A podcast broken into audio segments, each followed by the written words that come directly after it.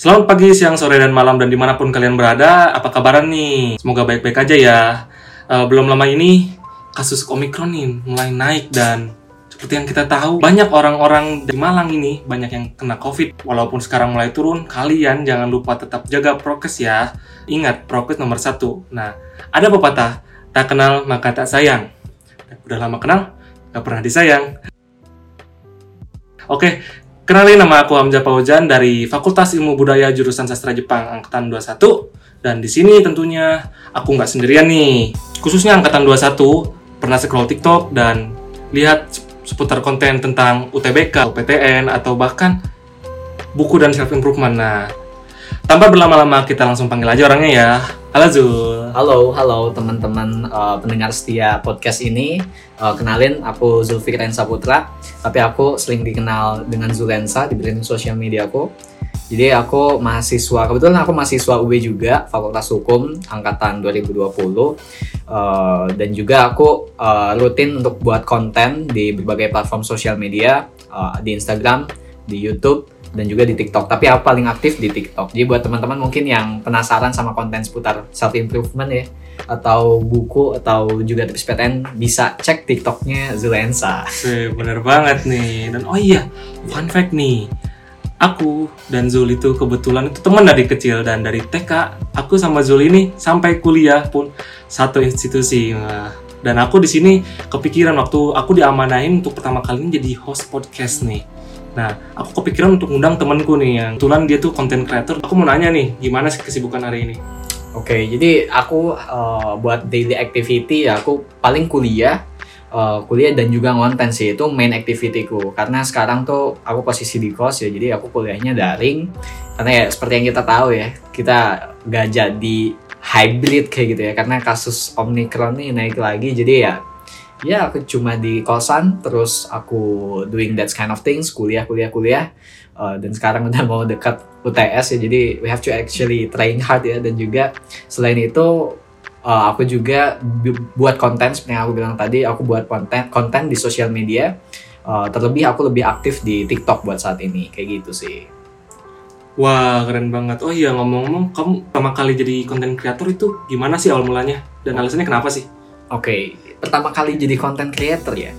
Jadi aku punya pengalaman. Jadi dulu pas aku diterima SBMPTN ini juga uh, apa berkorelasi sama kenapa sih aku bahas tentang tips PTN gitu. That's uh, why why why kenapa aku bikin konten uh, regarding SBMPTN atau tips masuk PTN.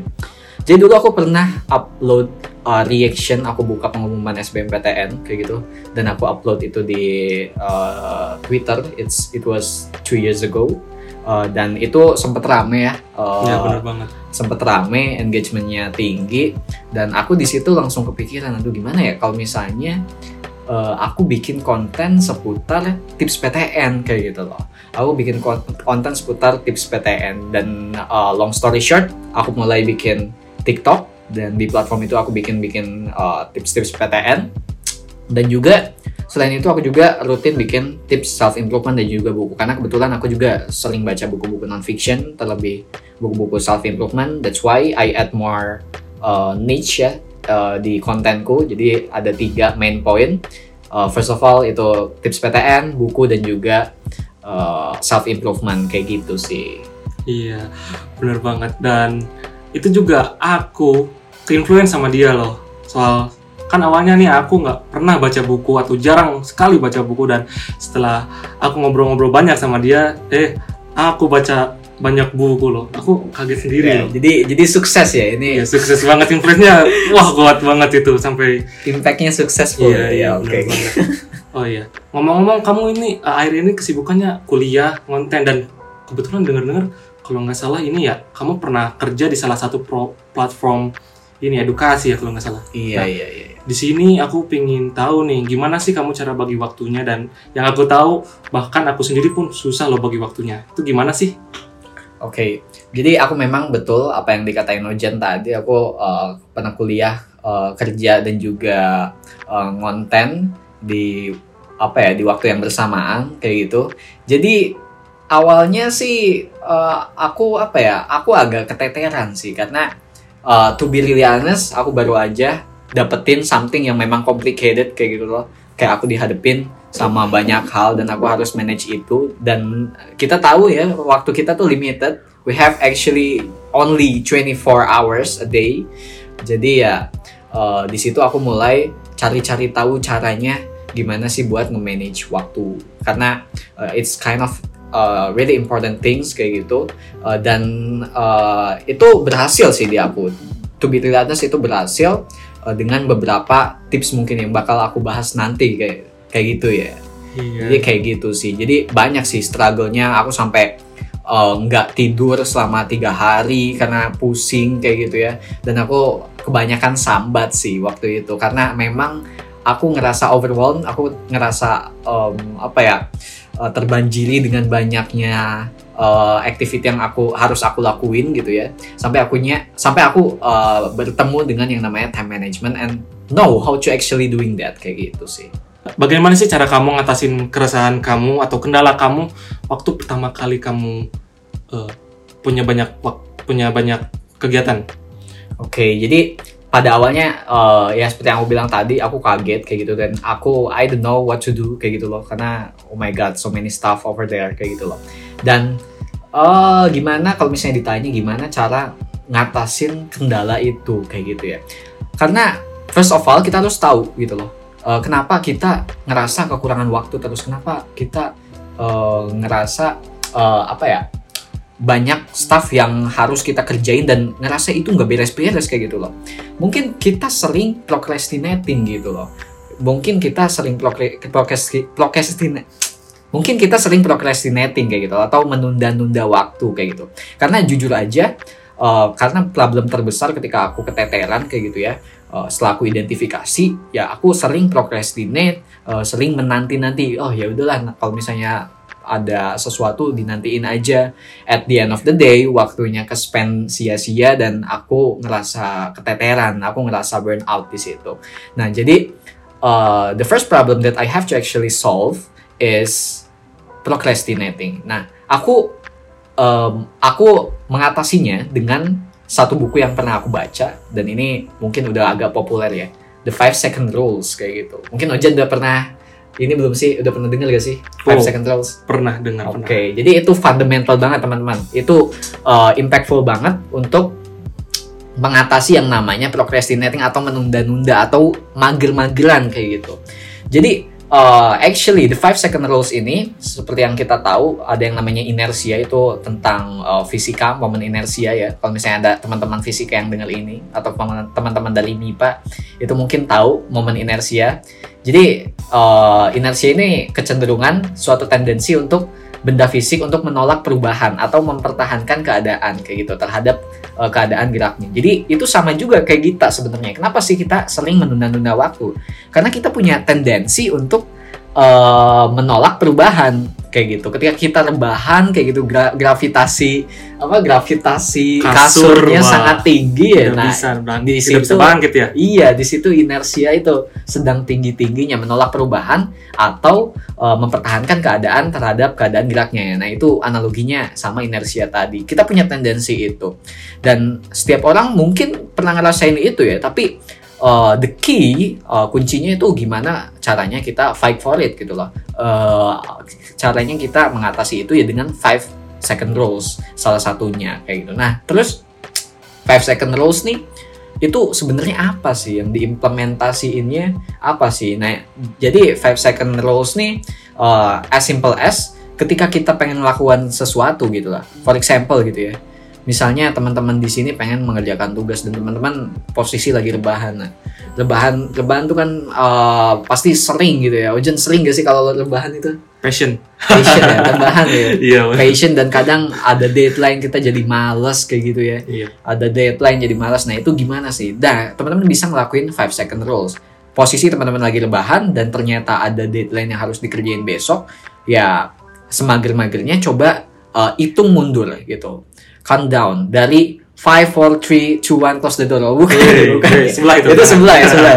Uh, jadi teman-teman hitung mundur 5 4 3 2 1. Nah, untuk uh, hitungan ke satu ini teman-teman move kayak gitu loh langsung Bangun. langsung bangkit gitu Berdiri. iya benar berdiri berdiri dari kasur kayak gitu ya yang mana tadinya gravitasinya tinggi kita paksain eh, oke aku for example sebelum ngitung mundur 5 4 3 2 1 harus dipikirin nih kira-kira kita mau nga- ngapain sih? Apa sih kita yang bakal dilakuin kayak gitu? Karena kalau misalnya nggak tahu yang dilakuin pun bakalan bingung kayak gitu. kita aduh abis ek nih ngapain gitu? For example ada matkul A dan dia ada deadline-nya besok. Oke aku harus ngerjain itu tapi aku mager. Oke sekarang kita 5 4 3 2 1 nah di hitungan ke satu langsung bangun teman-teman pindah ke meja belajar kayak gitu. Langsung uh, bikin to do list apa aja yang bakal dikerjain supaya nggak bingung. Dan juga bawa buku-bukunya yang berkaitan dengan matkul A siapkan kopi atau apa buat sekozi mungkin. Jadi dengan seperti itu somehow kayak gitu loh kita tuh ngerasa kayak let it flow aja gitu. Kita ngerasa ya udah eh, jadi nggak ngerasa terbebani. Nah seperti yang apa aku bilang tadi inersia ya. Kita eh, ketika kita udah move nih kita udah taking action ya kita bakalan eh, ngerasa nyaman seperti itu. Ngerasa nyaman dan ya mau nggak mau kita harus ngakuin itu gitu loh. Eh, somehow itu jadi ngalur ngalir begitu aja nah kalian bisa teman-teman bisa ngelakuin uh, the five second rules itu dan bisa diimplementasiinnya. Uh, for anything nggak nggak harus tentang belajar ya. For example teman-teman ada kerjaan atau teman-teman Cuci-cuci uh, baju juga cuci-cuci baju Iya. sapu-sapu juga bisa atau mungkin ya dan lain-lain. Ini bisa diimplementasiin uh, apa namanya ke semua hal. Jadi itu sih the first thing uh, untuk ngelawan procrastinating kayak gitu nah procrastinatingnya udah ke solve nih. Nah kita tinggal ke apa ya kita tinggal ke entitas yang lebih tinggi dari procrastinating. Ketika kita udah bisa uh, memanage procrastinating kita kita udah nggak mageran lagi karena the five second rules tadi terus gimana caranya nge-manage uh, apa namanya banyak-banyak hal yang kita uh, hadapi di hari yang bersamaan kayak gitu loh project-project yang harus kita lakuin atau kerjaan-kerjaan yang harus kita uh, selesaikan kayak gitu nah ada yang namanya uh, skala prioritas. Nah, mungkin teman-teman juga ini udah agak populer ya. Jadi aku hanya menjelaskan. Mungkin teman-teman udah udah pernah uh, dengar juga tentang um, skala prioritas ini. Jadi ada empat matriks, ada empat kolom, ada empat bagian. Uh, yang pertama itu the important and urgent. The second is important and not urgent. The third is not important but urgent. And the fourth is not important and not urgent. Jadi buat kasus-kasus teman-teman tuh di apa ya diklasifikasikan ke yang empat kolom tadi kayak gitu loh. Kira-kira yang penting dan juga mendesak tuh apa sih? Nah masukin ke situ. Kira-kira yang nggak penting dan nggak mendesak masukin yang mana sih? Nah masukin ke situ. Nah untuk aktivitas-aktivitas yang memang important and urgent atau penting dan juga mendesak eh, itu teman-teman bisa ngelakuin eh, as soon as possible secepat mungkin kayak gitu. You have to actually do it now kayak gitu. Contohnya apa? Contohnya punya deadline. Dan deadline-nya itu literally besok kayak gitu. Ya you have to actually do it now. Kalau misalnya nggak ngelakuin sekarang ya teman-teman bakal ya you know lah uh, bad impact-nya kayak gitu. You know what's gonna happen tomorrow kayak gitu lah nah itu you have to actually doing that. Kalau untuk aktivitas important dan urgent atau penting dan juga mendesak. And the second itu important and not urgent. Itu untuk kegiatan yang penting tapi nggak mendesak. Contohnya ya baca buku. Mungkin teman-teman yang suka baca buku bikin weekly planning atau uh, quality time sama pacar atau sama uh, keluarga. Itu teman-teman bisa taking schedule after uh, the first uh, the first apa ya namanya the first thing gitu after important and urgent. Teman-teman bisa bikin menjadwalkan kayak gitu loh. Kira-kira ini kapan sih apa namanya dilakuinnya bisanya kayak gitu. Intinya tetap prioritaskan yang important and urgent tadi. Untuk important and not urgent teman-teman bisa lakuin after uh, kegiatan yang memang important and urgent. And the third itu ada yang namanya not important and urgent. Nah jadi untuk kegiatan yang nggak terlalu penting te- nggak terlalu penting tapi emang mendesak kayak gitu ya itu teman-teman bisa mendelegasiin. Jadi ya udahlah nyuruh siapa kayak gitu loh nyuruh teman atau atau siapa pun kayak gitu ya. Mu- mungkin kegiatannya contohnya ya fotokopi fotokopi tugas atau pembagian kelompok kayak gitu untuk mahasiswa-mahasiswa itu bisa didelegasiin ke teman ke teman eh, yang memang uh, bisa dipercaya kayak gitu. Kalau misalnya emang nggak bisa ya, kalau misalnya emang mager terus delegasiin kan itu Hmm, Udah lagi urusannya. Iya, itu tidak tahu diri. nah, jadi kayak gitu, teman-teman bisa mendelegasiin. And the fourth itu not important and not urgent atau nggak penting dan juga nggak mendesak. Teman-teman ya ini bi- biasanya yang hiburan-hiburan sih kayak main PUBG atau main Valorant atau nonton drama Korea mungkin cewek-cewek ya biasanya Eh, apa eh, main-main sama teman nongki-nongki eh, bahas-bahas yang bersifat entertaining itu bisa mungkin mengeliminasi atau ngelakuinnya reschedule setelah yang ketiga tadi selesai kayak gitu. Contohnya ya tadi yang aku jelasin tadi. Nah, untuk activity-nya, untuk kegiatan-kegiatannya itu sangat subjektif ya. Jadi setiap orang punya apa namanya? punya tingkat eh, tingkat kepentingan sendiri-sendiri yang mungkin ada yang bilang kalau misal ada ada ada orang yang memang mementingkan baca buku baca buku tuh is emas karena mungkin itu kerjaannya uh, dia dapat duit dari situ yaitu dijadiin uh, important and urgent. Atau mungkin ada yang memang uh, dia fotokopi itu sebagai kerjaannya juga itu bisa diganti di- ke important and urgent ke apa namanya ke poin pertama tadi. Jadi itu bisa uh, disesuaikan dengan situasi teman-teman. Ini nggak bersifat baku jadi contoh-contoh tadi ya cuma contoh doang itu dari subjektivitas aku.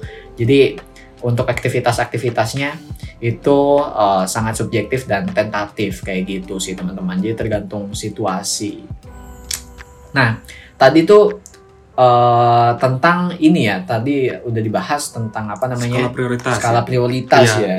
Menarik juga ya skala prioritas Uh, kita udah bahas uh, cara ngatasin procrastinating atau menunda-nunda. Terus kita udah bisa manage aktivitas sehari-hari kita nih yang mana yang harus dilakuin duluan yang mana Iya. harus didelegasiin Iya. uh, yang mana harus dieliminasi. Selanjutnya kita lebih ke teknis nih. Ini ini dagingnya nih di sini nih teman-teman.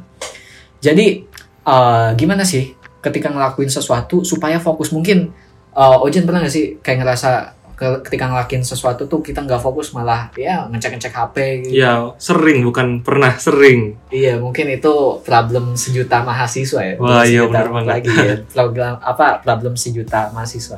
Nah, teman-teman bisa nge-solve itu dengan Pomodoro teknik. Mungkin di sini juga ini udah populer sih apa yang aku sebutkan udah populer jadi aku hanya mengulas-ngulas gitu doang kayak gitu ya. Nah, jadi Pomodoro teknik nih eh, teknik eh, apa namanya? Teknik melakukan sesuatu, melakukan aktivitas dengan ada yang namanya time block kayak gitu. Mungkin teman-teman udah pernah dengar prinsip 25 5 atau 50 10 kayak gitu 50 menit kerja uh, 50 menit beraktivitas 10 menit break kayak gitu ya. Jadi Pomodoro teknik tuh kayak gitu. Jadi implementasinya gimana sih? Kita langsung ke teknis aja implementasinya. First of all teman-teman harus nentuin uh, kerjaan apa yang bakal dilakuin gitu loh. Tugas apa yang bakal dikerjakan, problem apa yang bakal di solve. After that, teman-teman set a timer kayak gitu loh. Timer untuk bekerja bisa 25 menit uh, bekerja 5 menit istirahat, bisa uh, 50 menit bekerja 10 menit istirahat. Yang penting enggak ini ya, enggak istirahatnya yang banyak ya. Yang yang penting uh, Lima perbandingan menit, iya. 5 menit belajar, setengah jam istirahat gitu. Iya, jangan sampai kayak gitu ya teman-teman ya. Jadi harus apa namanya? Harus apa eh, kuantitas kita kerjanya tuh lebih banyak daripada breaknya. Nah, contoh ya, ambil contoh lah, let's say 25 menit eh, kerja dan 5 menit istirahat. Nah, repeat it, eh, ulangnya itu sampai empat kali. After that, teman-teman bisa eh, ngelakuin Istirahat eh, panjang. istirahat panjang Iya, ya. iya. Kayak lah, let's say 30 menit atau 15 menit asal jangan seharian ya teman-teman langsung self healing gitu langsung staycation tuh jangan teman jadi ah ya long break sih long break tapi eh, jangan sampai kepanjangan jangan sampai too long habis itu teman teman bisa eh, ngulangin lagi yang empat lagi sampai eh, tugas-tugas teman-teman selesai kayak gitu sih itu eh, dari eh, cara aku ngadepin problem aku selama nge-manage kerja, kuliah dan juga bikin konten sih. Dan uh, akhirnya gitu at the end of the day aku jadi ngerasa lebih ini sih, lebih ke manage sih hal-hal yang Hmm, aku lakuin kayak gitu. Jadi aku nggak ngerasa keteteran lagi kayak gitu sih. Iya. Tadi kan sebelumnya kita udah bahas banyak ya kan udah bahas Hmm. tentang apa tuh tadi tentang procrastinating, terus Hmm, tentang five second rules. Iya. Eh itu sama ya? Iya, five second rules. Iya maaf ya. Terus ya, eh, skala prioritas dan bahkan yang ke teknisnya Pomodoro eh, Pono Pomodoro. Oh, Pomodoro teknik. Nah, susah banget ya nyebutnya ya dan di sini eh aku jadi ingat nih sesuatu nih ya. Nunda-nunda waktu gitu. Nah, kita itu ingat tidak ada waktu yang pas untuk memulai bisa membuat increase itu. Oke, oke. Jadi gimana cara suatu hal uh, jadi kebiasaan? Mungkin emang sulit ya guys, Iya. teman-teman uh, pendengar podcast setia ini nih, uh, untuk memulai atau menambah kebiasaan baru di dalam hidup kita. Soalnya uh, kamu pernah gak sih kayak uh, excited pas awal-awal doang, ke sananya udah mulai kendor kayak Wah, gitu sudah tidak lagi. Iya. Iya. Biasanya kayak gitu sih penyakit. Nah, nah jadi aku uh, jadi teringat satu buku nih yang pernah aku baca kayak gitu tentang gimana sih uh, cara menanamkan kebiasaan baru supaya jadi literally kebiasaan habit gitu. Ada yang bisa tebak gak? Tebak gak? Ini bestseller juga. Wah, Bukunya apa tuh? James Clear. Tahu nggak? Tahu nggak? Tahu dong. Apa tuh? Atomic Habit Yoi, pasti. Yoi. Atomic Habits. Mungkin teman-teman ada yang baca juga. Jadi basically uh, di Atomic Habit nih dijelasin ya kalau misalnya uh, sebenarnya dengan kita ngelakuin satu persen setiap harinya, tapi dengan rutin, let's say satu tahun, itu kita udah buat improvement 37 kali lebih baik kayak gitu dalam setahun let's say. Jadi kayak saham sih jatuhnya ya. Wah, iya. ada apa namanya kompon Compound interest, interest ya, ya oke. kompon interest. Mungkin ada anak-anak saham di sini. Itu pasti related ya. Jadi kita ngelakuin sesuatu pun ya itu nge-compound sebenarnya. Walaupun cuma satu persen uh, setiap harinya itu lebih baik daripada nggak sama sekali. Nah terus teknisnya gimana nih? Cara ngeimplementasinya kayak gimana? Nah di buku ini ada empat poin teman-teman yang aku dapetin. Yang pertama ini petunjuk yang kedua gairah yang ke tiga itu ada tanggapan, yang keempat ada ganjaran atau self reward kayak gitu ya. Nah contohnya kayak gimana nih? Eh, karena teori-teori doang pusing gitu, gak ada contohnya ya. Kok contoh nih, contoh dari yang poin pertama petunjuk dulu nih. Nah contoh teman-teman lagi tiduran terus ada ponsel berbunyi kayak gitu ya. Ada ponsel ber- berbunyi itu yang eh, poin trigger teman-teman. Terus di situ teman-teman ada gairah, ada desire, penasaran kayak gitu. Pengen tahu ini ada notifikasi tuh dari siapa? Apakah dari mas pacar, mbak pacar, atau dari SMS selamat Anda mendapatkan 100 juta? Yeay. Awas ya guys kalau ada kayak gitu, most likely itu penipuan sih. Iya. Abis penasaran, itu biasanya ada action dari kita, ada tanggapannya. Ya kita ambil HP-nya, terus buka, ini chat dari mana? Oh ternyata dari dari ayang kayak gitu. Oh ternyata dari dari dari penipuan kayak gitu. Kita jadi tahu. Nah setelah itu kita punya gam- ganjaran di situ. Kita ngerasa puas. Kita ngerasa puas karena udah ngebaca pesen. Nah dengan kayak gitu kita bisa jadiin habit, habit, habit, habit, habit. Kita bisa membentuk habit di situ teman-teman kayak gitu loh. Nah, contoh lagi, kalau misalnya ini lebih ke praktikal, teman-teman pengen eh, apa ya, nambah kebiasaan baca buku kayak gitu, nambah kebiasaan baca buku. Petunjuknya, coba deh teman-teman eh, simpen buku di tempat yang sering teman-teman eh, lewati atau tempat yang sering teman-teman eh, diami kayak gitu loh. Dengan kita teman-teman ngelihat buku, eh, terus teman-teman lihat judulnya, kamu jadi ini apa namanya, jadi punya gairah, penasaran nih ini bukunya tentang apa sih ya? Apa sih sebenarnya Sapiens tuh kayak gitu loh. Sapiens tuh sebenarnya tentang apa? Bahas tentang apa aja sih sebenarnya di dalamnya. Nah, di situ teman-teman udah punya action. Teman-teman buka bukunya terus baca kayak gitu loh. Di situ ada actionnya. Poin ketiga tanggapan. And the last but not least self rewardnya, eh, ganjarannya ya teman-teman jadi puas, jadi, jadi dapat knowledge baru kayak gitu. Oh iya, Homo sapiens nih ternyata adalah kita sendiri kita berevolusi dan lain-lain kayak gitu teman-teman jadi bisa diimplementasiin sih eh, dari buku eh, James Clear ini eh, tentang atomic habit kayak gitu guys Iya, benar banget, guys. Kok jadi guys ya? Iya, benar banget, teman-teman. Dan oh iya, kebetulan aku juga nih sempat baca buku yang namanya mirip-mirip. Eh, kalau nggak salah Habits ya. Oh, gimana tuh, gimana tuh? Habits dari Charles Duhigg ya. Oke. Gak beda jauh soalnya tentang bagaimana cara menciptakan kebiasaan baru. Nah di buku ini tuh kita ngebahas yang buku sebelumnya ya eh, sebelumnya buku Atomic Habit tuh kita ngebahas tentang tentang apa ya lebih ke praktikal ya Hmm. lebih ke praktikal dan di sini di sini juga aku pernah baca loh soal eh, buku Habit karya Charles Duhigg ya. Oke, gimana tuh? Aku bahas awalnya aja ya mungkin kalian bisa baca seterusnya ya. Di sini si pengarang ini ingin menyampaikan sebuah klausa ya bahwa kadang ada yang kita lakukan tuh bukan sebuah keputusan kita secara sadar gitu. Misal nih ya, apa yang kita lakukan saat setelah eh, mata kita terbuka atau setelah kita bangun tidur, apa yang bisa biasa kita lakukan ketika ada bunyi notifikasi yang tadi udah dijelasin dan bahkan minum air putih gitu. Atau justru eh, berdoa dan lekas berbenah diri. Nah, ternyata itu adalah kebiasaan kita. Nah, William James juga berkata, seluruh hidup kita sejauh memiliki bentuk yang pasti hanyalah sebuah kebiasaan. Jadi, bagaimana kebiasaan itu bisa muncul sedemikian tidak terasa. Nah, intinya begitu. Oke, menarik sih ya. Iya.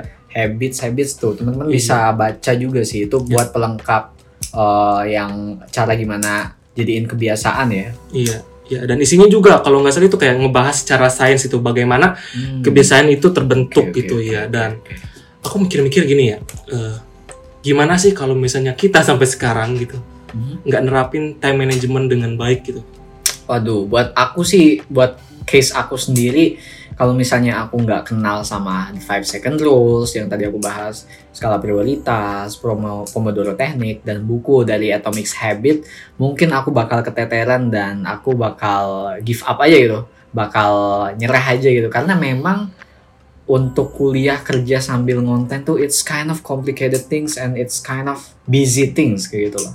Jadi menurutku ya kalau misalnya teman-teman yang masih belum mulai eh, nerapin kebiasaan time management atau belum belajar bisa belajar dari sekarang. Karena mau aktivitas teman-teman apa pun itu bisa ketolong sih dengan eh, time management yang baik. Kayak gitu sih. wah menarik banget ya. Kebayang ya kalau misalnya kita nggak nerapin nih time management dengan baik. Dan bahkan aku sendiri juga sempat keteteran ya jujur aja aku belum menerap nerapin nih time management dengan baik. Kemarin kalau nggak salah baru-baru gini ya aku tuh kayak baru ngerjain tugas padahal deadline tuh beberapa jam sebelum itu tuh dikumpulin gitu ya. Dan ah itu stressful banget. Aku jadi sadar pentingnya time management itu bagaimana sepenting apa sih time management itu gitu. Dan mungkin kita udah di penghujung acara ya. Ada pesan nggak sih buat teman-teman dari kamu gitu? Oke, jadi pesan dari aku ya mungkin it's kind of simple. Kita hidup di dalam ruang dan waktu eh, yang mana waktu itu ya variabel yang sangat penting, variabel yang sangat mendasar. Dengan kita eh, mengatur waktu kita, dengan kita memanfaatkan waktu kita ya sama aja kita mengatur hidup kayak gitu. The way you manage your time, it's kind of that you manage your life kayak gitu loh. Jadi sepenting itu mengatur waktu karena kita cuma punya waktu 24 jam, uh, waktu kita limited dalam sehari, uh, make it really valuable for you kayak gitu dengan cara uh, memanage waktu yang kita punya kayak gitu sih. Wah menarik banget ya, kita udah bahas 5 second rules, skala prioritas, Pomodoro teknik, dan juga kita tadi bahas-bahas soal buku, buku Atomic Habit dan buku Habit ya. Dan dan tadi ada pesan, kita hidup dalam ruang dan waktu, jika kita mengatur waktu berarti kita mengatur hidup kita. Dan jangan lupa bagi teman-teman yang belum mulai manage waktu, mulailah segera. Kita tahu tidak ada waktu yang pas untuk memulai, jadi mulai sekarang. Dan terima kasih buat teman-teman yang udah mau nyempetin waktu dan mau dengar podcast kali ini. Jangan lupa follow IG MW Brawijaya dan podcast Cakap Cakep MW ya teman-teman. Sampai jumpa di lain episode dan bye.